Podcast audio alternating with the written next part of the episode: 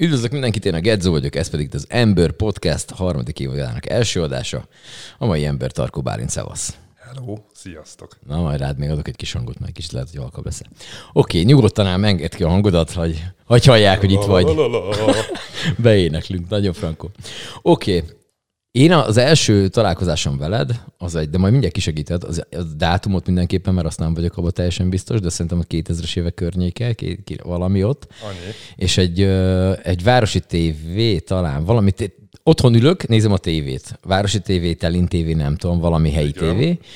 És egy, egy fiú ott egy ilyen bakelit lemezjátszókat pakolászik, rakja rá a tűt, magyarázza, hogy az hogy kell a sebességet állítani rajta, és egyébként, hogy ez milyen típusú, ez ilyen maxi lemez, nem tudom, te valamilyen ilyen bakelites téma, és én annak idején pont abba az időszakban voltam ott így meglőve ezek a bakelitekkel, és oh, mondom, oda néz, végre valaki így a tévében lehet ezt látni, ez óriási volt, és az voltál te.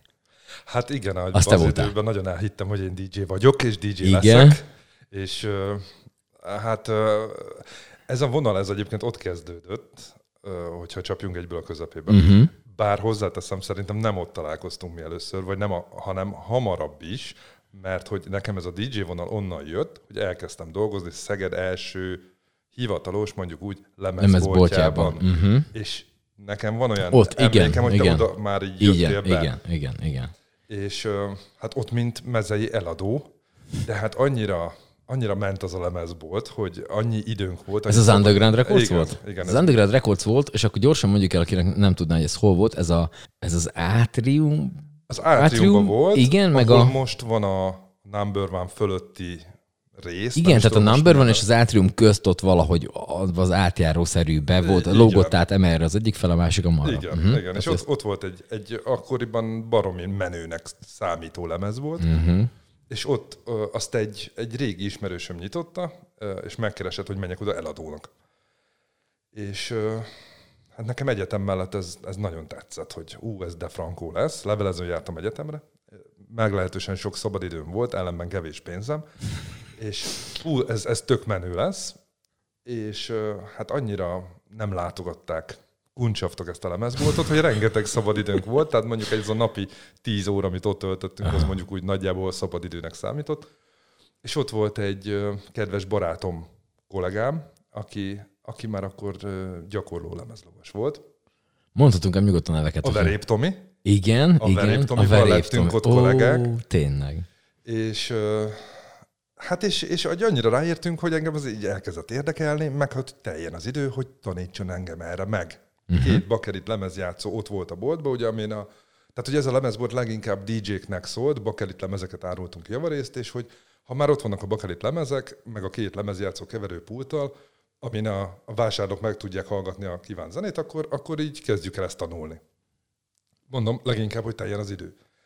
És bocsánat, úgy tűnt, hogy úgy tűnt, hogy ez pici érzékem akkor adódott, Uh-huh. és tetszett is a dolog, és, és akkor a, ez a lemezbolt, ez egyben kiadó is volt, és bulikat szervezett a megyébe. És ö, ott hát ilyen warm-up DJ-nek bedobtak engem, ugye hát ha már alkalmazott vagyok, akkor a legolcsóbb Igen. megjelenési forma, és töltsük ki az időt, és hogy hát a buli elején, amikor még kutya sincs, akkor sok mindent nem tudok elrontani, úgyhogy akkor én ott zenélgessek. És akkor ö, zenélgettem. De hát ilyen megyénk kis településeinek még kisebb klubjaiban. Nagyon izgalmas pálya volt, Igen. és akkor a, És akkor stílusban így mit, vagy bármit, vagy az, az, az hogy nézett az ki? Én ezeket a vokálos, nagyon boldog zenéket szerettem. Aha, aha. Tingli-tangli kis diszkós ütemmel, és az, azok úgy... Azok Hát úgy akkor ilyen vocal house, mert akkor, akkor ment az, hogy így, Igen. egy, egy a house típusú zenének így volt egy ezer millió féle. A Igen. deep house-tól a latin house-on át a, a, a, a irgalmatlan. Igen, és azokat a zenéket szeretem, amit meghallottál, és úgy, úgy mosolyog. Mhm, Uh-huh, elkezdtél mhm, uh-huh, mosolyogni, és úgy elkezdtél lötyögni egy kicsit rá. És akkor ezek így tökéletesek voltak buli elejére, és meglátott engem egy, egy ismerős, illetve hát nyilván én dolgoztam a gimi alatt annó a nyári munkán a Városi tévénél, és akkor valami úton módon erről a DJ-s karrierről ott tudomást szerzett az egyik régi kollega, és akkor, hogy akkor indított a VTV egy ilyen fiataloknak szóló zenei műsort. És, és akkor úgy megkerestek, hogy, hogy akkor ott mutassam már be az én tudományomat, illetve beszéljek egy picit erről az egész DJ-s dologról, ugye a, a lemezbolt miatt egy pici rálátásom volt. És akkor hát olyan annyira lámpalázas voltam, és annyira izgultam, hogy hát természetesen egy ilyen botrány szettet sikerült eljátszani, az a össze-vissza. Igen, lódobogásos. Igen, tehát hogy az ütemeket véletlenül se sikerült egymásra pakolni, úgyhogy hát egy ilyen hatalmas égés lett belőle. Viszont egy csomó ismerőstől jött vissza pozitív visszajelzés, hogy, hogy láttak, és hogy milyen jó volt, és hogy nem is tudták nagyjából itt véget is ért a... Nem ezért, hogy elrontottam, de ebbe az időben itt véget is ért ez a... Tehát akkor, nek, te, akkor ne, te nem is voltál ilyen semmilyen helynek a rezidens DJ-je, semmi. Tehát te csak egy effektíve ilyen hobby DJ voltál? Hát vagy? igen. És utána Verép Tomit nagyon sokat hívták szarvasra. Uh-huh. Ott volt egy kis klub, és akkor a Verép Tomival mi mentünk mindig egy baráti kör, meghallgatni, meg bulizni, és akkor mondta Verép Tomi, hogy hát, hogyha ha már úgyis ott vagyok, akkor meg egy picit konyítottam hozzá, hogy ő ad nekem lemezeket, és akkor, hogy ott is legyek warm-up. Uh-huh. És akkor, a, amíg a, ott, ott a gyülekezett a nép, addig én ott eljátszogattam szintén mosolygós ilyen kis funkhouse uh-huh. zenéket. Óriási. És az így, így nem is hiányzik? Vagy te így ezt így nem, nem. ezt így engedted azzal a lendülettel? Teljesen, aha.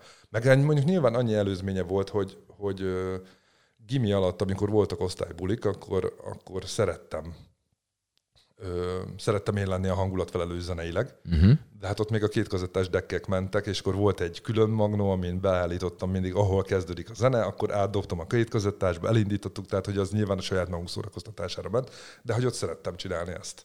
De később, később után ez, ez befulladt ez a vonal, úgyhogy... De akkor nincs otthon ilyen nagy lemezgyűjteményed, meg semmi, semmi, semmi ilyesmi. Őrület, őrület. És akkor mondtad, hogy te levelező szakon voltál egyetemen, mint? Milyen szakon Mint voltál? kommunikáció. Uh-huh. Kommunikáció szakos voltam. Hát én Pestre jártam föl, ott volt a Szegedi Tudományegyetemnek a kihelyezett levelező tagozata. Ez a klasszikus havasféle iskola volt. Aha. Havas féle iskola. Hát ott, ott végeztem el az öt évet. Kicsit közelebb beszélj bele. Non, tehát, hogy ott elvégeztem az öt évet. Igen, ó, nagyon jó. Oh, tudtam, hogy Milyen bugó, fog. ez lesz a milyen, igen. Ott diplomáztam, uh-huh elektronikus sajtó szakirányon, ami egyébként egy ilyen mm, semmit nem jelentő. Ez mikor van? Már csak, hogy az elektronikusra akarnék kitérni, nem arra, hogy mennyire vagy öreg. 2001-be.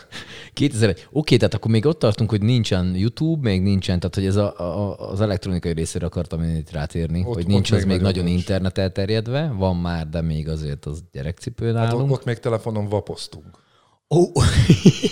tehát nincs böngésző, aha, aha. tehát hogy örültem, hogyha MÁV startot elértem a papon, és meg tudtam nézni, hogy mikor indul a következő vonat, amit lekéstem hazafele. De az már nagyon szívta a lóvét a telefonra, úgyhogy azt uh-huh. sokat használtuk.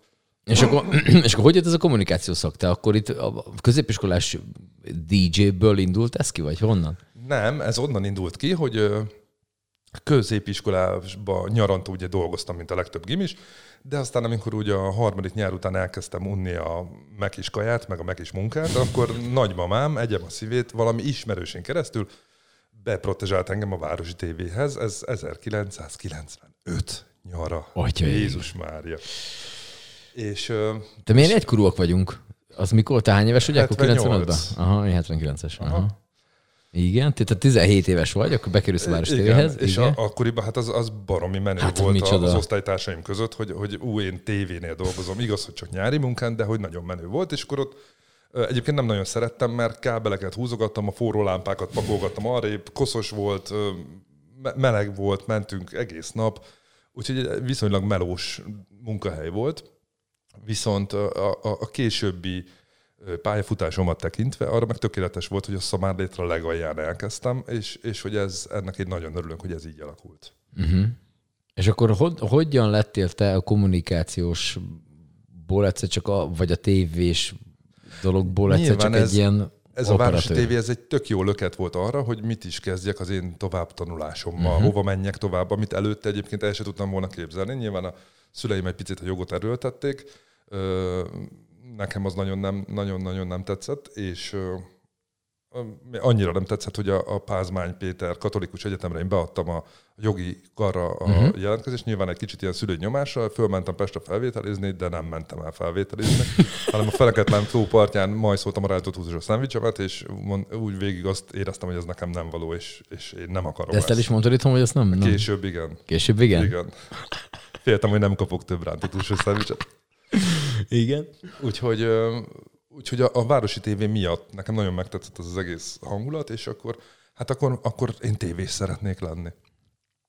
Nyilván ott voltak operatőrök, nagy baromira tetszett, hatalmas kamerákkal, és, és akkor na, akkor tanuljunk el, ebbe az irányba tovább. És most hál' Istennek fel is vettek a kommunikációra, és, de hát ez levelező szak volt, és akkoriban volt ugye ez a lemezboltos történet, uh-huh. és egyszer csak mentem egy ilyen roppant izgalmas lemezboltos munkanap végén hazafele, kicsit búslakodva, hogy már megint tartalmasan telt egy munkanap, és akkor találkoztam az utcán a régi városi tévés főnökömmel, a Fisivel. Uh-huh. Őt szerintem nagyon sokan ismerik így a városba, meg az országba. És ö, beszélgettünk, és mondja a Fisi, hogy hát, hogyha ha lenne jogsém, akkor már gyakorlatilag azonnal tudnék náluk kezdeni, mert úgy keresnek technikust. Gyorsan elmentem, megcsináltattam a jogsimat, vagy megcsináltam a jogsimat, mit tudom én, akkoriban egy hónap alatt ez megvolt. Utána fölhívtam a Fisit, hogy itt vagyok. Ő tartotta a szavát, fölvett, és elkezdődött a, a hivatalos tévés pályafutásom, mint technikus. Uh-huh. És akkor utána hogy lettél? Az, ott, ott valami tanfolyamot kellett, vagy valami csak elég volt az, hogy az ember ezt így tudta, látta, tudta, hogy Hát, mit, milyen gombot kell nyomni, mit kell fókuszálni, mit kell nézni. Ugye akkor a technikusnak az a dolga, hogy az operatőr után viszi a... Uh-huh. Tehát gyakorlatilag egy serpa, Így van. és beállítgatja a dolgokat. Hordom a cuccot, vezetem az autót, és, és csöndbe vagyok. És volt egy öreg operatőr, a Rónyai Balázs, megboldogult Rónyai Balázs, egyem a szívét, aki hát egy ilyen Pestről valamiért visszakerült Szegedre, ő telesportos, nagy szaki volt, régen hatalmas tekintély volt, és, és hát én általában mellé kerültem be technikusnak, és az öreg, hát ő elkezdett engem tanítgatni. És gyakorlatilag én, én neki köszönhetem azt, hogy, hogy én ma operatőr vagyok, vagy uh-huh. operatőr lettem, mert hogyha ő, ő, ő nem kezd el akkor engem tanítgatni, akkor a, a fiatalabb kollégák biztos nem tették volna, mert ők azért eléggé féltették az állásukat, uh-huh. ők, ők nem, meg hát úgy, ők, ők, ők nem is abban voltak, hogy ők itt bárkit tanítgassanak, hanem hogy csinálják a dolgukat. Uh-huh. És akkor ő adott nekem először kamerát a kezembe, és akkor még a Városi tévén volt időjárás jelentés, ami úgy nézett ki, hogy gyönyörű, általában a Széchenyi téri tulipánokról készített kis zenés etüd alá, illetve e fölé kiírták betűkkel, hogy mondjuk 29 fok lesz ma, meg Igen. holnap. Uh-huh. És akkor időjárás képeket csinálhattam én meg először életembe, és ezzel indult el a, az operatőri karrierem, már ha ezt karriernek lehet nevezni, és, és akkor utána, utána a Balázs titokban, Balázs bácsi titokban egyre több forgatáson adta át a kamerát nekem, Uh-huh. és egyre több dolgot lehetett megcsinálni, és aztán amikor ő dicsérő szavakat kapott a munkájáért, akkor elmondta, hogy hát voltak épp az nem az ő munkája, hanem az enyém. És Ez mi korrekt, ha? igen, és akkor így kaptam az első lehetőségeket, és akkor így lettem a Városi tévénél híradós operatőr egy idő után.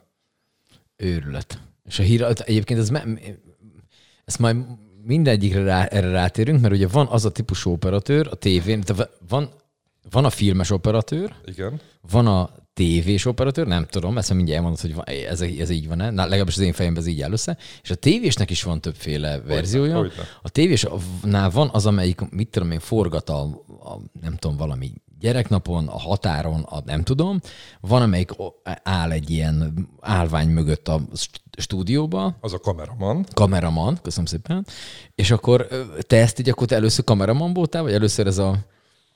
Hát a, Hogy? a, a Városi tévénél ott úgy volt, hogy a, ott, ott, meg hát szerintem a nagy tévéknél is úgy van, hogy az operatőr, tehát nyilván az operatőr és a kameraman az két külön szakma, de azért egy picit valahol összeér. Uh-huh. És amikor ahol ember hiány van, ott azért az operatőröket rakják be kameramannak is. Ugye a kameraman az az, aki a stúdióban lévő adások ideje alatt áll bent a nagy állványon lévő kamera mögött, és mutatja végig a beszélőnek az arcát, vagy amit épp a rendező mond. Uh-huh. Az operatőr, ő, ő pedig általában kimegy terepre, tehát kinti témákat forgat, és a filmes operatőrökről megmondom őszintén, hogy túl sokat nem tudok, mert abban a világban én, nekem még nem volt szerencsém bepillantani. De szeretnél? Érdekel, igen. igen. Tehát ugye egy, egyelőre egy ilyen kívülállóként abszolút megnéznék egy ilyen filmes forgatást. Ö, Na, én imádom a filmeket, és akkor csináljunk egy közös filmet. Én nem értek hozzá, te se, de valamennyire azért tudjuk, De hogy lehet, mit kéne hogy csinálni. ebből Lehet, hogy ebből valami jó fog kisülni. Igen, bocsánat, hogy szót vágtam. Semmi gond, és, és utána pedig Tehát, hogy a, a televíziós operatőrök közül pedig vannak alapvetően a magazinos operatőrök, és vannak a híradósok. Aha. Hát a híradósok azok, akik inkább kezdem a magazinosokkal, a, ők azok, akik szépen bevilágítanak, sok idő van egy-egy forgatásra, minden apró részletre oda a háttérbe, ott hogy áll az a levél, tehát hogy ott, ott, ott mindenre oda kell figyelni, valamint hát a, a magazinos témák is jóval komolyabbak, meg hosszadalmasabb feldolgozni őket, mondjuk, mint egy híradós témát. Uh-huh. Én minek után híradóval kezdtem a szakmámat, és mind a mai napig híradóban dolgozom, ezért én azt gondolom, hogy ebben jó, ebben vagyok jó, ehhez van kedvem. Én engem az idegbe elkap, amikor ilyen pöcsölős, hosszú forgatások vannak, és uh-huh. én azt nem bírom. Én azt, azt szeretem, amikor amikor megyünk, rohanunk, imádom a híradóba azt, hogy lehet, hogy három perc múlva nekem már tök az ellenkező irányba kell mennem, mert jön egy telefon, hogy valami más történt, tehát hogy, hogy én, én ezt szeretem. A híradóban nem, nem, nem kap fontos szerep, szerepet a kreativitás, uh-huh. tehát hogy ott viszonylag, viszonylag feszes keretek között kell dolgozni képileg is, és Viszont mindennek meg kell lenni. Viszont minden csak egyszer történik meg, és annak, annak meg kell lenni. Tehát, hogy ott, ott nincs olyan, hogy lemaradtam róla, ezt meg kell ismételni. Uh-huh. Uh-huh. Úgyhogy, úgyhogy nekem ez a, ez a világom, én ezt, ezt szeretem. Nagyjából ennyi. Oké. Okay. És akkor ez nálatok ez úgy működik, hogy mondjuk van egy tólig valami időbeosztásod neked, amikor mondjuk vesztek fel anyagokat, és akkor az is lehet, hogy mit tudom, hogy történik valami, és akkor hajnal kettőkor csörög a telefon, hogy haló, most menni kell, mert valami történt. Ez, vagy ez ilyen nincs azért? de van. Van ilyen. Ez, ez mindennapos. Már hogy az hála Istennek nem mindennapos, éjszaka, hogy igen. éjszaka történik, de, de hogy én ebben a rendszerben dolgozom mind a mai napig, hogy, hogy éjszaka is csöröghet a telefon. Nyilván nem minden nap, nyilván nekem is van egy beosztásom, ami alapján megvan, hogy egy héten hány éjszaka csöröghet az a telefon. Uh-huh. Dolgoztam, nyilván most a Királyi TV-nél dolgozom, előtte én kereskedelmiztem 13 évig az RTL Klubnak voltam a regionális hír, a hír, RTL Klub híradójának regionális operatőre. Tehát ez azt jelentette, hogy Csongrád és Bács-Kiskun megye volt a területünk, itt, hogyha bármi olyan dolog történik, ami a, a, az RTL Klub híradóját érdekli, akkor mi mentünk el, és készítettünk abból anyagot. Uh-huh. Most nyilván ugyanígy dolgozom, csak, mint említettem, másik csatornának, tehát most a kereskedelmit a közszolgálati csatorna váltotta föl. Igazából én abszolút nem politizálom, tehát nem politizálok, tehát uh-huh. teljesen hidegen hagy, hogy, a, hogy mit, mi az, amit fölveszek a kamera túloldalán állok, tehát én technikai személyzet vagyok.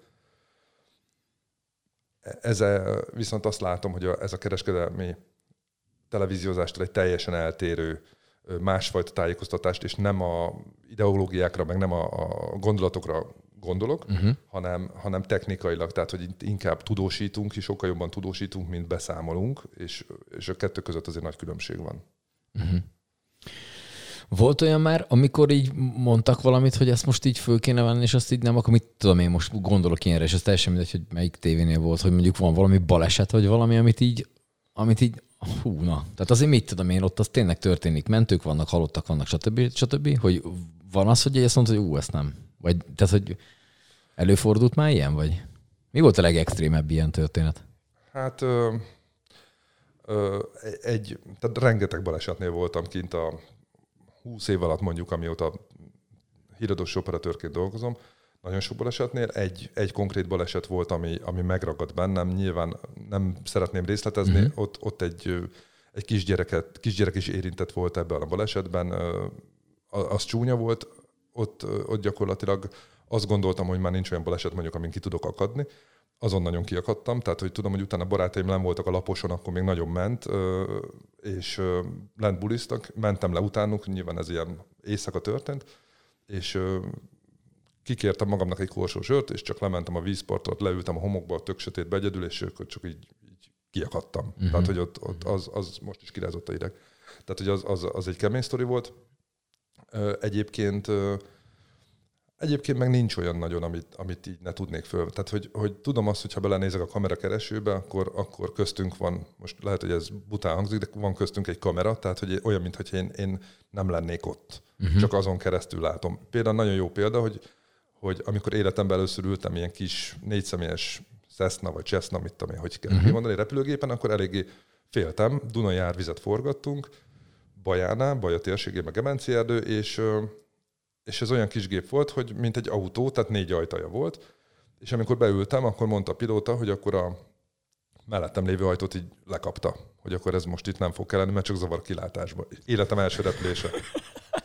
És Jó, ráadásul, jó kezdődik. igen. Igen. ahogy elindultunk, ugye, hogy ideges voltam, megfeszültem, és abban a pillanatban a biztonsági jövem az így ketté pattant a hasamon, tehát gyakorlatilag kioldott, és akkor mondta a pilóta, hogy nyugodjak meg át arra, úgy sincs szükség, az csak ilyen protokoll, hogy be kell kötni magam, de hát hogyha baj van, akkor hát az úgyse fog megmenteni. Na jó, mondom, de hát nincs mellettem ajtó, nem baj? És mondta, hogy nem, nem baj, mert hogy a centrifugális erő az meg ben fog tartani. Hát egy picit, picit izzadtam, amikor szálltunk föl, és aztán, aztán amikor a szemem elé emeltem a kamera keresőjét, tehát belenéztem a lyukba, uh-huh. akkor tényleg olyan volt, mintha egy filmet néznék, és így abban a pillanatban így megszűnik ez a para, és, és csak dolgozom, és veszem a képeket egymás után, és ahogy leemeltem a szemem, akkor megint elkezdtem izzadni, és hogy jaj, én most itt meg fogok halni. Kemény. Úgyhogy, úgyhogy voltak sztorik itt a, a, a sok év alatt, jók is, rosszak is, azért, azért én leginkább a jóra emlékszem, mert, uh-huh. mert nagyon jó emberekkel, meg nagyon jó kollégákkal hozott össze a sors, mind az RTL-nél, mint most, tehát hogy ott is, meg itt is a legjobb barátok vagyunk magánéletben is, úgyhogy ez így tök jól működik. Oké, neked van tesód? Igen, van egy hugom, ö, egy 11 évvel fiatalabb hugom, Uh-huh. Ö, Nagyon-nagyon jó a kapcsolatunk, imádjuk egymást. Ő egyébként féltestvérem, tehát édesanyám második házasságából született.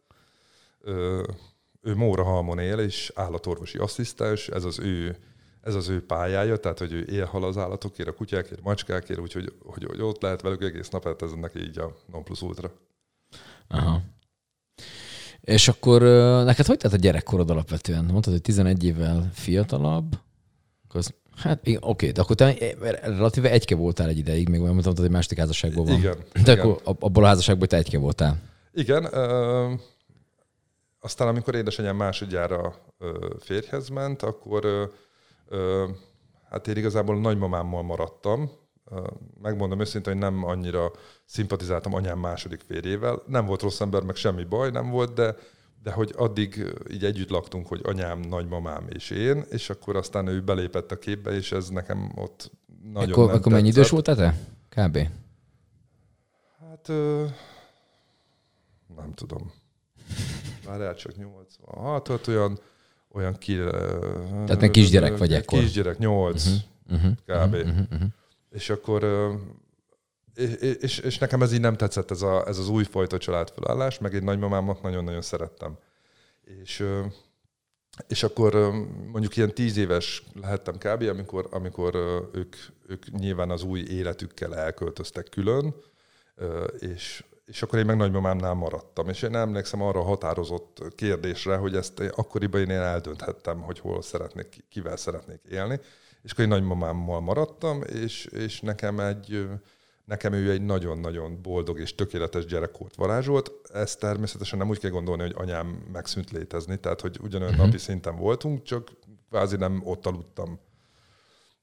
Szóval, hogy ez, egy, ez egy, egy, egy tök, jó, tök jó gyerekkor volt, egy belvárosban laktunk a Madács utcába, tehát hogy igazi belvárosi gyerek voltam, jó, nagyon jó élmények voltak, és nekem igazából nagyon mindent megadott, amire szükségem volt. Aha. És akkor utána, mikor lett így, mikor állt helyre kapcsolatban, nem tudom, ez nem hülyen, nem tudom ezt jól megfogalmazni, szóval mikor lett aztán utána, amikor már lett egy féltesód, Hát és nyilván utána anyámék összeházasodtak, utána 89-ben megszületett a hugom, akkor voltam én 11 éves, és, és gyakorlatilag ott, ott már nem, tehát hogy hát ne, nehéz ezt megfogalmazni, meg, meg lehet, hogy ezzel én nem is nagyon untatnám a hallgatókat, mert, mert ez már annyira egy ilyen belső családi uh-huh, dolog, de hogy a lényeg az, hogy, az, hogy tök jó, a, anyámmal is tök jó a viszonyom mind a mai napig, tehát hogy mondjuk az érdekes, hogy anyámra egy kicsit ilyen nővérként tekintek, és nagymamámra tekintek jobban úgy, mint anyámra. uh-huh, uh-huh. Remélem így édes jó anyám, Ja. hogyha ezt most meghallgatja, nem fog ezen infarktus kapni, de hogy Aha. De egyébként meg ez nem baj, mert, mert, mert anyámmal meg mind a mai napig nagyon jó a kapcsolatunk, de mondom egy kicsit, tehát hogy, hogy inkább sokkal lazább a kapcsolatunk, hogyha egy kívülálló hallja, hogy mi hogy beszélünk egymással, vagy hogy min poénkodunk, meg mi röhögünk, az inkább egy ilyen erősebb nővéri kapcsolat felé tendál, mint mondjuk uh-huh. egy anya-fia kapcsolat felé. Uh-huh. Közben neked született egy, vagy nektek született egy, egy gyermeketek nem is olyan régen. Még mennyi idős ő most? Ő most 16 hónapos, uh-huh. kislányom. Uh, igen, született. Na és ez, ez, ez nálad akkor hogy működik ez a... Hát, hogy én egy, egy csomót gondolkoztam azon ám közben, hogy már hogy így az évek alatt, hogy, hogy tökre irigylem azokat az embereket, akik, akik tudnak, főleg ilyen idősen, tud, már úgy, úgy le tudnak valamit tenni az asztalra. Uh-huh.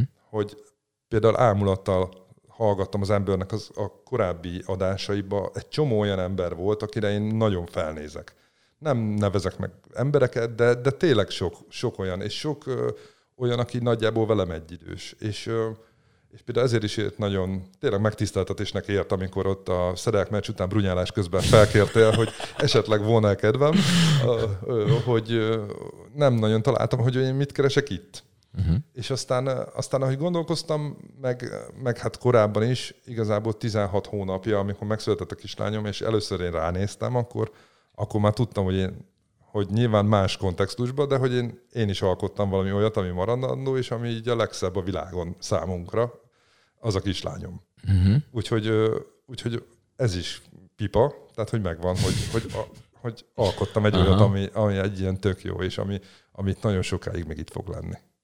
Oké, okay, gyerekre lesz valamilyen nyomás? Mert mondtad, hogy nálad a szülőknél azért volt egy ilyen kis jogi pálya felé való terelgetés, mondjuk az, hogy még hogyha nem is Aha. az, hogy ez egy ilyen nagy nyomás volt, de hogy nálad lesz valami ilyesmi? Vagy? Nyilván a feleségemmel már beszélgetünk előbb, bár hát még baromi messze van a dolog, de hogy most úgy gondolkodunk, hogy nem lesz semmiféle nyomás. Ő eldöntheti azt, hogy, hogy mi szeretne uh-huh. lenni, viszont abban meg legyen bitang jó. Ennyi, ennyi legyen a nyomás, vagy ennyi lesz a nyomás. Na, hogy az, amit csinál, abban nagyon abban legyen. Tehát, hogyha ha ő nem lenézve a fodrászokat, de ha ő fodrász akar lenni, vagy autószerelő, vagy hajóépítő ezermester, akkor legyen az, de akkor olyan de hajókat építsen, hogy az egész világ azokat akarja megvenni. Aha, aha. Tehát akkor nem lesz táncos, mert az ezt ugye tegyük hozzá, hogy a, a te feleségedő tánc oktató, van, tánc, igen, tánc tanár, koreográfus. Az a, uh-huh, az a, az a hivatalos, a tánctanár. Hát okay. azért remélem, hogy táncolni fog. Azt tudom, hogy a feleségemet nagyon boldogá tenné a gyermek, hogyha Na ezt akartok kérdezni, hogy hát ő azért mégiscsak valahol egy ilyen effektíve pedagógus ilyen téren, Igen, tehát hogy az. akkor ezt azért nehéz úgy mondani, hogy, hogy, hogy a gyerekben nem lesz táncos, vagy Igen, De hát ugye nyilván az is hatása van az rá, hogy ő ilyen közegbe fog felnőni valamennyire. Hogyne. Hát már most, amióta megszületett, rengeteget hordjuk be, meg, meg, meg hál' Istennek ő nem az a bébi, aki tudatosan e felé tereljük, hogy ő ne féljen másoktól, érezze jó magát, hát nem azt mondom, hogy idegenek között is, de hogy ne ijedjen meg, hogyha egy idegen emberrel meg kell ismerkednie, vagy ha idegen emberek veszik körül hatalmas szeretettel, mert hogy ez, ez legyen az élete része, és mert hogy mi is abszolút ilyen emberek vagyunk, hogy, hogy elég nagy társaság életet élünk, nem szoktunk nagyon ott túl sokat otthon ülni, megyünk, jövünk, utazunk, csináljuk a dolgunkat, szórakozunk, és hogy azt szeretnénk, hogyha a bébink ennek abszolút részese lenne. Tehát, hogy mi nem, nem vagyunk azok a szülők, akik azt tervezgetjük, hogy ú, mikor tudunk elmenni úgy nyaralni, hogy őt majd lepasszoljuk. Nagy, hanem, nagynál rakod, és igen, akkor majd... Aha. Igen, hanem őt, őt szeretnénk, hogyha ő ugyanúgy élményekkel gazdagodna, még akkor is, hogyha pici, mert hiszek abban, hogy, hogy ha kiskorában megkapja ezeket az élményeket, azok valahol majd úgy elő fognak neki jönni. Lehet, hogy nem úgy éli át, meg éli meg, mint mi, de, mm. de, hogy, de hogy legyen ott velünk meg hogy mi gyűjtsünk olyan élményeket, aminek ő is a része. Uh-huh. Teljesen értető. És mennyire változott meg a melód ezzel kapcsolatban? Tehát, hogy mondtad, hogy azért van az a, van az a pár nap egy héten, amikor csöröghet éjszaka is a telefon, de most, hogy van baby, így most így ez, ez kevesebb nap, vagy ezt így lehet bárhogy ezt variálni, vagy ez... Nem, a baby alszik éjszaka, úgyhogy nincs rá, nincs igény rám. Tehát tehát nem, a munkám nem változott meg, uh-huh. a munkámnak ez a része nem változott meg. Az a része megváltozott, hogy másodállásban nekem fotós videós vállalkozásom van, leginkább esküvői fotókat és videókat készítek. Tehát, Gyere, hogy, kitérünk el. Nem úszod meg. Tehát, hogy abszolút nekem, amikor szezon van, tehát ez a májustól nagyjából ilyen november, december, mire leadom az összes évvégi vagy szezonvégi munkát is, abban a szempontból változott meg, hogy az utómunkákat eddig nagyjából a szabadnap napjaimon reggeltől estig, vagy reggeltől, vagy délelőttől délutánig estig csináltam. Most már ezt az időt sokkal inkább a kislányommal, a családommal töltöm aktívan, és hát olyan szerencsés helyzetben vagyunk, hogy a gyermek egy hónapos kor óta reggel tízkor ébred. Tök jól alszik, az apjára ütött, viszont akkor, akkor kihasználom inkább azt az időt, ami reggel tíz előtt, vagy délelőtt tíz mm-hmm. előtt van, és akkor ezeket a maszák munkáimat, ezeket igyekszem úgy beidőzíteni, hogy mondjuk inkább fölkelek hétkor, és akkor héttől tízig megcsinálni a nagyját, meg este, amikor már lefeküdt, hogy, hogy tényleg napközben velük tudjuk, tudjak lenni. Uh-huh. És ez a, ez a uh, fusi, vagy hívjuk ezt maszeknak, ez tetszett, mert ez, ezt is már rég használtam, de igen, maszek. Mutyi. Igen, hogy ez, na ez hogy jött? Ez is nyilván az, az, ahogy téged láttak a kamera mögött, vagy tudták, vagy valami még gondolom. Igen, ez, ez úgy jött, hogy a, amikor a kamera, tehát hogy kerestem valami olyan hobbit, ami, ami kikapcsol. És nagyapám nekem gyermekkoromban fotózott sokat, és az ő gépeit annó, akkor én megörököltem, és én is próbáltam kattingatni. Aztán ez nyilván ilyen nagyon kis, 5-6 éves koromban ez így abba is maradt, és amikor kerestem egy hobbit magamnak, akkor, akkor úgy gondoltam, hogy, hogy a fotózás az, az úgy közel áll hozzám, egy kicsit rokon szakmodja a, a kamerázáshoz, uh-huh. és, és akkor, akkor vettem egy viszonylag komoly fényképezőgépet, és elkezdtem hobbiból fényképezgetni. És aztán jött egy lehetőség, a Blick keresett fotóriportert a régióba, és én ezt megpályáztam, vagy jelentkeztem rá, és föl is vettek. És ez gyakorlatilag úgy nézett ki, hogy az én, amikor leszóltak, hogy van egy bizonyos téma, akkor el kellett szaladnom, csinálni 10-20 darab fotót, fölküldenem nekik. Utána ezt kitalálták, hogy hát ha már kimegyek fotózni egy helyre, akkor ezt írjam is meg, mint cikket. Tehát, hogy így, így lettem mondjuk úgy fotós újságíró, vagy, vagy nem uh-huh. is mhm. tudom, mi ennek a jó megnevezése. Szóval, hogy akkor, akkor ez ment így 5-6 évig, és akkor kénytelen voltam belerázódni a fotózásba.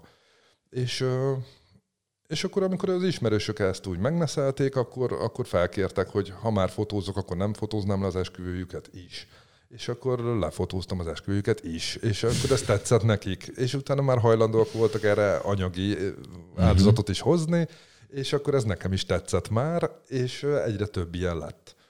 És amikor, amikor már nagyon sok ilyen volt, akkor úgy döntöttem, hogy akkor ezt tereljük hivatalos mederbe, és ehhez viszont papír végzettség kellett, akkor megcsináltam a főiskolán a, a alkalmazott fotográfus szakot, és és akkor így lettem hivatalos fotográfus is.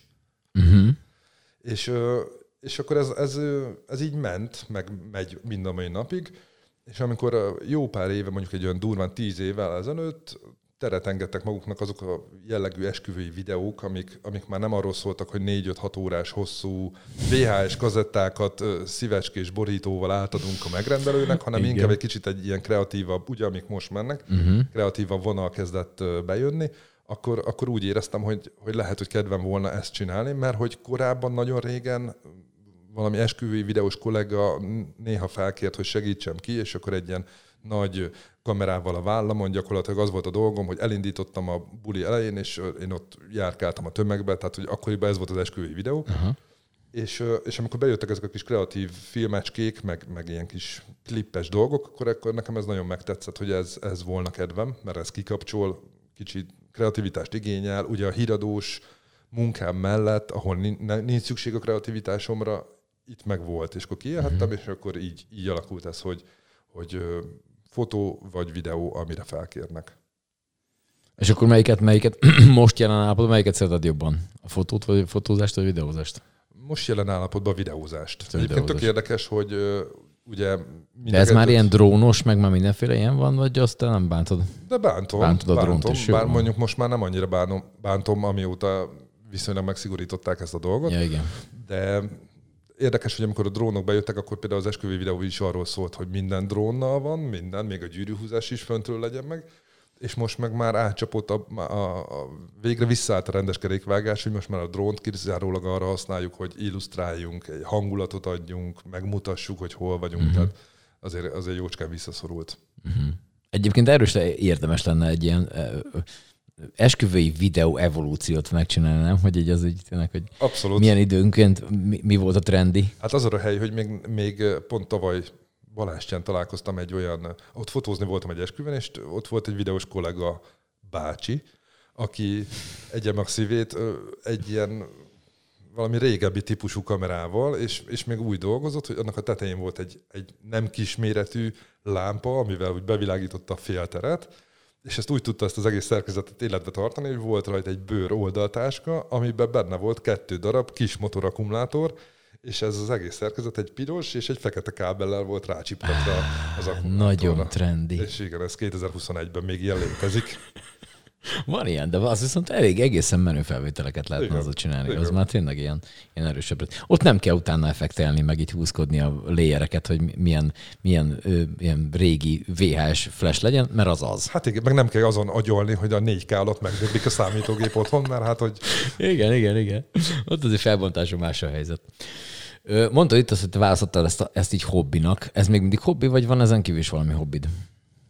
Nincs, nincs ezen kívül hobbim. Ez hála Istennek meg, tehát hogy hobbi is, mert hogy imádom csinálni. Uh-huh. Minek után nekem van egy főállásom ugye a tévénél, ezért ez az esküvői vonal nálam abban merül ki, hogy éves szinten mondjuk 10-12 esküvő az, amit én elvállalok. Akik ebből élnek, nekik ilyen 35-40 körül is van.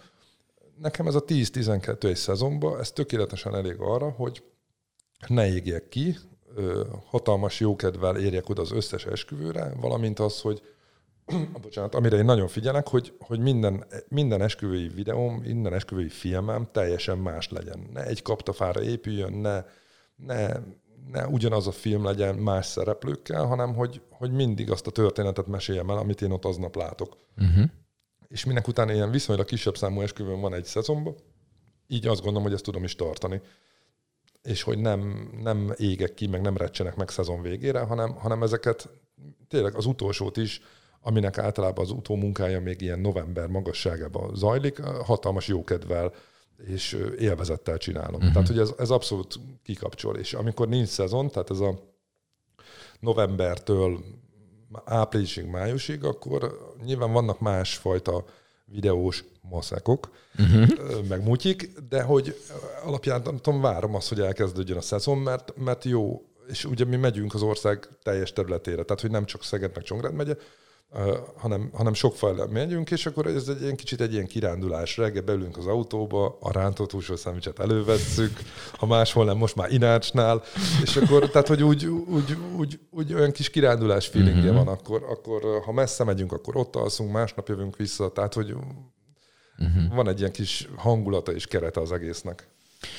Na, ha már itt ezt az utazást mondtad, azért, ö, hogyha valaki téged követ, nem tudom, Instagramon, Facebookon, egyéb ilyen felületeken, akkor azt így kb. szerintem tudni lehet rólad, hogy ti azért szerettek menni, így utazni. Így van. De hogy így mindenfelé a világba, tehát hogy így. És hát nekem, a, nekem a kedvenc sorozatom az mindig is egy, hát ez podcast lehet ilyet mondani, ez a, ez a fucking Monday. Hogy ez a, a- azt én imádtam. Az bármilyen élethelyzetben, mert hogy ugye nyilván nektek olyan a munkátok, hogy az ott lehet hétfőn egy bármit csinálni, hiszen ugye no, normális vég van, vagy az átlagnál, vagy nem tudom, hogy, hogy hívjuk, ugye ott az általában a, a, a szombat-vasárnap. Na most nálatok ez lehet, hogy hétfőn van, mert hogy szombat-vasárnap lehet, hogy te dolgozol, nem tudom, fellépése van, feleséged viszi a gyerek. Nem, te nem tudom, tehát hogy csak hogy ez már mindig valahogy eltolódik, és ez ilyen, és éppen vagytok valahol, egy ilyen, egy ilyen ö, olyan élethelyzetben, ami egy ilyen luxury, és akkor közben meg ott van egy ilyen, hát jó, hát hétfő van. Igen. Óriási, igen. azt én imádtam. Hát szóval, ez onnan, onnan jött, hogy ugye javarészt a szezon miatt, hogy én hétvégén általában nem Mhm, érek rá, meg amikor meg nincs esküvőm, akkor ugye a tévénél hétvégén is van híradó, tehát nekem hétvégén is más az időbeosztás. kell persze, dolgoznom, ha? igen, sokszor.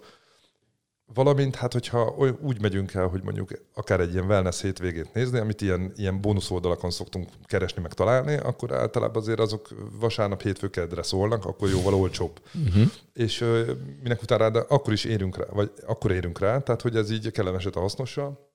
És hogy hát eleinte, amikor ez indult, hát nyilván nem kis polgárpukkasztás volt a cél, főleg úgy, hogy hát a feleségemnek a tanítványai, meg, meg, a, meg a barátaink, akkor, vagy barátaink, ak, akkor iskolában, munkahelyen voltak, és akkor hát akkor egy kicsit, hogy tegyük jóvá napunkat, hogy miközben ők, és, és csomószor volt az, hogy így számolgattuk, hogy na figyelj, most második óra, harmadik óra van, vagy a munk- munkahelyen most figyelj, most, most tíz óra fel, akkor mindig van egy hullám, akkor, na akkor toljuk ki, és akkor hogy gondolunk rájuk.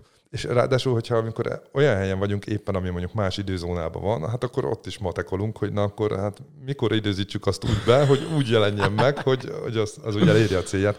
És hát igen, ennek, ennek hatalmas sikere van, tehát hogy ott a, nem vagyunk ilyen lájkvadászok, tehát félre uh-huh. ne értsétek, de hát nyilván a, a közösségi oldalakon ebből tudja az ember lemérni azt, hogy mennyire tetszik a nézőknek, tetszik nekik. Oké, van olyan, olyan hely, ahova, amilyen bakancslistást nálatok, és még nem voltatok? Hát azt gondolom, hogy ami nagyon bakancslistás volt, azt hál' Istennek sikerült kipipálnunk. Európai célpontok vannak, európai nagyvárosok. Nekem az egyik bakancslistás mondjuk talán Lisszabon, a Portugália, én ott nagyon, nagyon elmennék. Nagyon, illetve csak jókat hallottam róla. Mindenképpen. A feleségemnek New York volt bakancslistás, azt hál' Istennek kipipáltuk, uh-huh. egy tökéletes időt töltöttünk el. Azt gondolom, hogy egyébként így, ahol szerettünk volna, ott, ott voltunk, viszont amikor egyszer repülőtéren várakoztunk, és nézegettük a feleségemmel a felszálló, leszálló listát, és akkor néztük, hogy mit tudom én, Ulánbátor meg. Elmondom, én oda is elmennék. Tehát, hogy, hogy nincs, nincs olyan hely a világon, ahova, ahova nem mennénk el, ahol ne kóstolnánk meg a helyi kajákat, ahol ne szippantanánk bele a helyi levegőbe. Mi nem azok, a, nem azok az utazók vagyunk, akik így fölírják a listára, hogy ha elmegyünk mondjuk New Yorkba, akkor ott mit kell megnézni. Uh-huh. Mondjuk New Yorkban egyébként pont így volt, ott felírtuk, és, mert hogy ott annyi van, hogy máshogy nem hát, tudod. Igen. Tehát, hogy ott, ott be kellett osztani, de egyébként nem nagyon ilyenek vagyunk, hanem, hanem nyilván tudjuk, hogy mi az a pár kötelező dolog, amit azért, na, na azért nézzünk már meg, ha, ha itt vagyunk. vagy, igen. De hogy egyébként az a cél, hogy leüljünk egy kávézóba, és üljünk az utcán, és beleszippantsunk a levegőbe, és nézzük az embereket, és nézzük, hogy hogy viselkednek egymással, uh-huh, nézzük, uh-huh. hogy hogy dudálnak az autók, és hogy,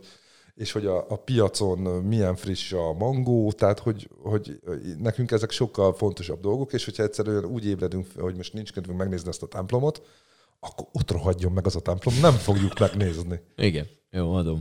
Én is, mi, mi általában azért szoktunk egy ilyen, hogyha városlátogatáson, akkor az egy, egy, egy, egy hét. Uh-huh hogy ne az legyen tényleg, tudod, hogy mit tudom én, hogyha valaki volt már Prágába, akkor ilyen falra tudok menni, az a hosszú hétvége Prágában. Na most, hogyha valaki Prágában volt, már tudja, hogy az, tehát én már voltam úgy, hogy egy hétig, és még úgy értem a végére, hogy megnéz mindent, mert hogy de akár egy Pesten se tudsz úgy, hogy egy hosszú hétvége. És hosszú hétvéget mit tudsz csinálni? Vagy, az, vagy a B verzió, hogy nem nézem meg semmit, csak ott vagy, de ha meg már ott vagy, akkor már úgyis megnézel valamit, szóval hogy ez egy ilyen Igen, de benne például ezek a dolgok, amiket meg kell nézni, nem ragadnak meg. Uh-huh. Tehát, hogy azok úgy, azok, azok kopnak meg, azok az emlékek kopnak meg a leggyorsabban. A meg kell nézni lista. Uh-huh. Viszont a, a, azok, a, azok, hogy emlékszel itt milyen jó pizzát ettünk, vagy emlékszel így, hogy itt milyen jó volt az aperol. Például amikor Milánóban voltunk, és ott volt a Székesegyház, és mellette volt egy aperol terasz, ahova fölültünk, és olyan panoráma volt ott az egész térre, hogy és, és életünkben nem esett olyan jól az aperol, pedig nem ugrálok érte. Uh-huh. Tehát, hogy, hogy ezek, ezek a, a helyek. Vagy például pont egy ismerősömmel beszélgetünk most kint a Borfesztiválon, hogy mik a kedvenc boraim. És akkor mondom neki, hogy, hogy hát van, van egy pár kedvenc borom, de hogy egy, eleve azért szeretem jobban a bort, mint a sört, mert hogy a borokat jobban lehet emlékekhez kötni. És ezek a, ezek a kedvenc borok is olyanok, hogy, hogy azért, azért kedves nekem az az íz, amit ez a bor ad, mert valami jó emlék kötődik hozzá. Uh-huh. És a söröknél nálam ez nem jön elő. Tehát, hogy az sör, sör, tök mindegy. Nem uh-huh. vagyok egy ilyen nagy sört ínyenc. Uh-huh. És ugyanilyenek az utazásaink is, hogy, hogy azok az utazások maradnak meg, amik adnak valami, valami olyan, olyan impulzust, ami, ami, amitől megmarad, és ez, ez nem egy templom lesz, vagy nem egy uh-huh. tér, Uh-huh, értem. Ö, viszont akkor mindenképpen menjetek Lisszabonba, mert én már, hála Istennek, én már kétszer tudtam ott lenni, és na, ez így tetszeni fog, hogyha, hogyha nem, nem, nem ez a tényleg a, a meg kell nézni a, a Notre Dame-ot, a Louvre-ot, meg a, a, az Eiffel tornyot, típusok vagytok, akkor pff, Lisszabonban is van Eiffel? Nincs, de van, de van Golden Gate híd, meg ilyesmik. Szóval, hogy oda menjetek mindenképpen.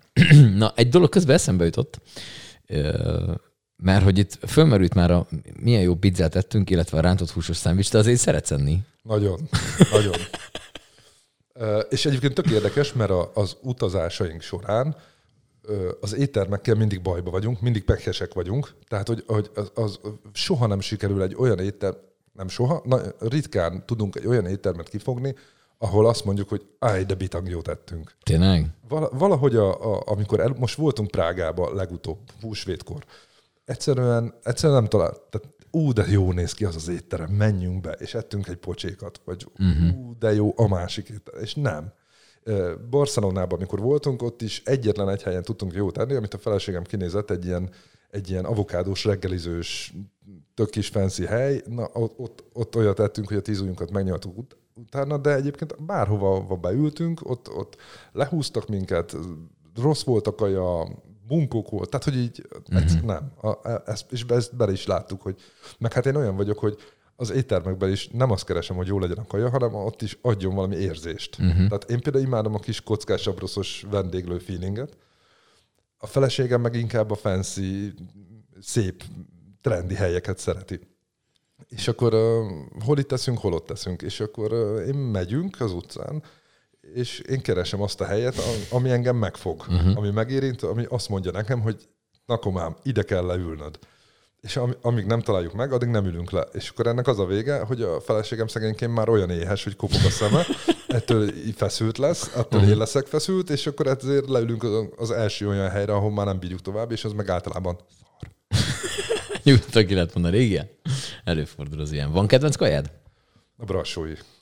Ez így, ez így. Tehát akkor neked ez akkor kapásból a brassói, meg a, meg a rakott zöld bab. Na ez a, ez a kettő, amit bármikor, bár menj, és, és a brassóit jéghidegen. Úgy, ha lehet, akkor másnaposan. Már nem én vagyok másnaposan, hanem a brassói, Brassói. és hogy megdermedve a zsírjába, és uh, imádom hozzá a szintén másodnapos uh, fonnyat, már megfonnyat, levében megfonnyat zöld fejes salátát. Őrülök meg. Én a fasírta vagyok így, hogy azt csak hidegen. Az csak hidegen, egy, az se baj, a háromnapos. Aha. Tehát, hogy azt én, azt ugyanez. Szóval brassó is vagy. Igen. És van egyébként olyan, ami, ha már itt a kajákról beszélünk, hogy, hogy mondjuk valami nemzet kajáját jobban szereted? Tehát mit tudom én, az olasz, olasz vagy ez a, ez a magyar vonulat, ez a brassó is téma, bár a brassó, nem tudom mennyire magyar. Alapvetően a magyar konyha az nekem. A, uh-huh. Tehát, hogyha ha az van, hogy itthon étterem, akkor én a csárda vonal az, ami, vagy nekem a csárda vonal az, ami a leginkább tetszik. Csárda, haláscsárda, kis ilyen falusi turi, tehát a, a kockásabb rossz, a régi. Babgulyásos. Igen, itt Szegeden például a, a régi bárka, ami, ami, uh-huh. ami, ami ott volt a Novotel mögött, és a, ahova például a gimi után mi évekig visszajártunk eh, egyik kedves barátommal, amikor elkezdtünk dolgozni, és ott nekünk meg volt minden hónapban a fizetés utáni első pénteket ott töltöttük az estét, és az volt a menü, hogy pacal, és utána egy Gordon Bleu sült krumplival. Már hogy fejenként ez volt a menü. Igen, és Az utána, azért nem rossz mennyiség. és utána leültünk is fröccsözni. Tehát, hogy, hogy ez, és beszélgettünk, és, és évekig ez, vagy egy pár évig ez ment. Tehát, hogy, hogy ha, ha konyha, akkor nekem a magyar konyha is ez a hagyományosabb. Nyilván a koromból adódóan most már én is azért próbálok, tehát hogy mondjam, régen nagyon jókat tudtam aludni telihassal, manapság ez már kevésbé megy, és kevésbé pihentető, és eléggé látszódik a gyűrődés a fejemben, amikor nem tudok végig aludni egy napot. De, de tulajdonképpen ez a magyar konyha az nekem nagy favorit. De ahhoz képest nem, tehát, hogy de. így mondtad, nem, De. annyira nem vészes. De. Tehát nem, vagy egy ilyen dagat, vagy kövér, vagy nem tudom, aki tényleg nem figyel erre oda, hanem Nekem csak így irgalmatlan pocakom. zabál. Aha, tehát hogy, hogy volt pocakom mindig is. Én, én, én azok közé tartozom, akik, akik soha nem foglalkoztak úgy a súlyukkal, hogy engem ez így zavart volna. Uh-huh. Én kb. világéletemben ez az alkat voltam, világéletemben ekkora voltam, én nekem ebből nem, még hála Istennek nem volt problémám. Most nyilván nem azt mondom, hogy én egy 150 kilós ember vagyok, de, de azért van pocak, bírok enni, bírok inni, tehát hogy így próbálkoztam nyilván diétával is, aztán annak mindig az lett a vége, egy, mit tudom, egy hétes kilódás után, hogy elkezdett dolgozni az agyam, meg leginkább a kis lelkem, hogy, hogy na nehogy már én diétázok, amikor ilyen ételek vannak, tehát hogy én, én boldog vagyok attól, hogy egy, leraknak elém egy pacalt, és én azt jó ízzel, kovászos uborkával megeszem, és megiszok hozzá egy kósó sört, én ettől boldog vagyok, és én ezt nem vagyok hajlandó magamtól elvenni. Jogos, jogos. Én azért szeretek például többek között túrázni, mert hogy az ember megy egy nem tudom sok kilométert, ott elégeted nagyon sok kalóriát, akkor utána gyakorlatilag bármennyit tehet, úgyhogy ez egy ilyen... Igen, egyébként sport, te sportoltál valamit valaha? Vízilabdáztam tizen, mondjuk durván tíz évig, uh-huh. általános iskola hát végig, meg utána még egy picit. Ez volt a, hát nem éles sport, de mondjuk versenyszerű sport. Utána már nem. És az mi, maradt ez abba? Hát... Már nem szeretem vizet annyira. Nem víziszonyom lett hirtelen. Nem, nem annyira... Tehát akkor nyilván elhitettem magammal azt, hogy ez a gimi, meg a gimis tanulás, meg a gimis feladatok mellett én ezt már egyre inkább nem bírom csinálni, és akkor ezt elhitettem a szüleimmel is, és ők elhitték, és akkor én akkoriban már tényleg, hát gimis az ember, hát nyilván nyílik ki a világ, megy jobbra-balra, nem akartam én minden este 5-től 7-ig az úszodába edzéssel lenni, amikor a haverok, meg a csajok, meg, meg mindenki ment mindenfele, és akkor így nem, tehát így nem lett kedvem hozzá már, és abba hagytam. Nyilván mm-hmm. ezt a mai nap, tehát mai fejemmel bánom, de mondjuk nem voltam egy ilyen nagyon sikeres vízilabdázó, tehát örültem akkoriban, amikor a, csapat ment egy versenyre, és akkor mondjuk bekerültem a keretbe, tehát akkor én már nagyon örültem. Nem is játszottam már a meccsen, de hogyha már el, el, el tudtam menni mm-hmm. velük, akkor én már nagyon örültem. Nyilván lustácska gyerek voltam, ez mind a mai napig azért, tehát atomlusta vagyok. Nekem ami nem kötelező, az nincs, és akkor így ebből adódott az is, hogy én ezt abba hagytam a, akkor. És utána nyilván voltak ilyen kis konditermes próbálkozások, hát leginkább ugye az elmúlt 11 évben, amióta a feleségemmel együtt vagyunk, azóta, azóta ő, ő rugdos, hogy, hogy a, tehát azért csak én, hát ő, ő sportember, tehát tánctanár, koreográfus, ő minden nap edzéseket tart, tehát tök fit. Ő folyamatosan mozog gyakorlatilag. Folyamatosan Aha. mozog, igen, és akkor hogy azért, azért nyilván ő noszogat nem keveset, hogy, hogy menjek, meg hát nyilván, hogyha a kislányomnak az le akarok hajolni még mondjuk öt év múlva, akkor azért muszáj, hogy, hogy valami sport, és mondjuk nekem a bringázás az, ami úgy végigkísért az életemet, hogy én azt úgy nagyon szerettem, meg gimi alatt, mi nagyon sok biciklitúrára jártunk, nagyon jó osztályunk volt, nagyon jó csapat volt, és, és, és most, most a kislányomat is vettem egy gyerekülés, berakom hátra, és akkor ilyen 30 kilométeres köröket megyünk itt Szeged körül. Igen, láttam arról is fényképet, nagyon jól mentetek. Igen, igen. Ar- archiválunk mindent. nagyon helyes, nagyon helyes. Azt nem mondtuk el még, hogy milyen suliba jártál, mely gimibe jártál Piarista gimnáziumba jártam. De Piarista vértem. Tehát nagyon jó fiú voltam. Papíron? A, kett, a papíron a kettő nem függ össze. Na, akkor még nagyon jó fiú voltam. Akkor még nagyon jó fiú vagy, vagy, vagy, higgyük azt, vagy, vagy mondjuk azt. Ja, piarista voltam. Ez a, amikor a piarista gimnázium újraindult Szegeden, uh-huh. akkor mi voltunk a második évfolyam, és ez akkor még kizárólag fiú gimnázium volt, csak fiúk jártunk oda, a Szent György téren indult az első évünk, a régi Minorita rendházba, és nekünk egy olyan, egy olyan abszolút különleges osztály közösségünk volt, hogy, hogy meg egy olyan még különlegesebb osztályfőnökünk, a Sárközi Sándor atya, aki, akire az ott tanuló fiúk közül mindannyian apaként tekintünk mind a mai napig. Mi mind a mai napig tartjuk a kapcsolatot, tehát minden évben összejövünk, minden évben a két ünnep között, karácsony és szilveszter között elkúrjantjuk magunkat, és aki, aki tud, az jön. És akkor van olyan év, hogy csak hárman vagyunk, van olyan év, hogy húszan vagyunk. És, és nekünk ez fontos, és, és mind a mai napig nyilván nem mindenki mindenkivel, de azért kommunikálunk, a barátságok megmaradtak, tehát hogy egy, egy olyan igazi tökös osztályunk volt, és, és nagyon szeretem a srácokat mind a mai napig. Egyébként vallásos vagy? Igen, a napjáraton igen, nem gyakorlom, tehát templomban nem járok de, de hiszek. A kislányomat is megpróbálom ebbe az irányba terelni, aztán majd ő eldönti, hogy akarja ezt vagy nem. De nyilván az utat megmutat, meg szeretném neki majd mutatni. De hogy igen, abszolút vallásosnak tartom magam. Nyilván ez is családi hagyomány. Gyerekkoromban mi templomba járós család voltunk, tehát vasárnapunkat ott töltöttük, aztán ugye a gimi alatt nekünk kötelező volt vasárnaponként a mise, amivel mondjuk lehet, hogy azt értékel, hogy utána viszont nem nagyon jártam már, mert hogy a kötelező dolgokat nem nagyon szeretik az emberek, de, de azért ugye a, a fejemben, meg a lelkemben meg abszolút hiszek. Uh-huh. Már hogy nem a fejemben hiszek, hanem a fejemben Értem. belül hiszek. Oké. Okay. Ha újra kezdhetnéd ö, bármint egyetemet, mondjuk ott, ott 18-as újra kezdenéd, akkor ugyanazt csinálnád, amit, amit most? Szerinted? Aha, én most tök jól érzem magam. Uh-huh. Tehát, hogy, hogy ö, ö, nem, nincs bennem hiányérzet, hogy, a, hogy vajon más pálya mit adhatott volna, vagy, vagy más... Tehát nincs, nincs olyan más, más pálya, ami felé azt gondolom, hogy érdeklődnék. Vannak nyilván olyan pályák, amik tetszenek, vagy olyan munkák, vagy munkakörök, amik tetszenek, de, de most én így 44 éves koromra azt, azt érzem, hogy tök helyén van az, ahol tartok, tök rendben van az, amit csinálok, boldog vagyok az életemben, úgy, úgy család, munka, kerek minden, és, és nincs, nincs, abszolút nincs bennem hiányérzet. Uh-huh. Van neked valami nagy félelmed?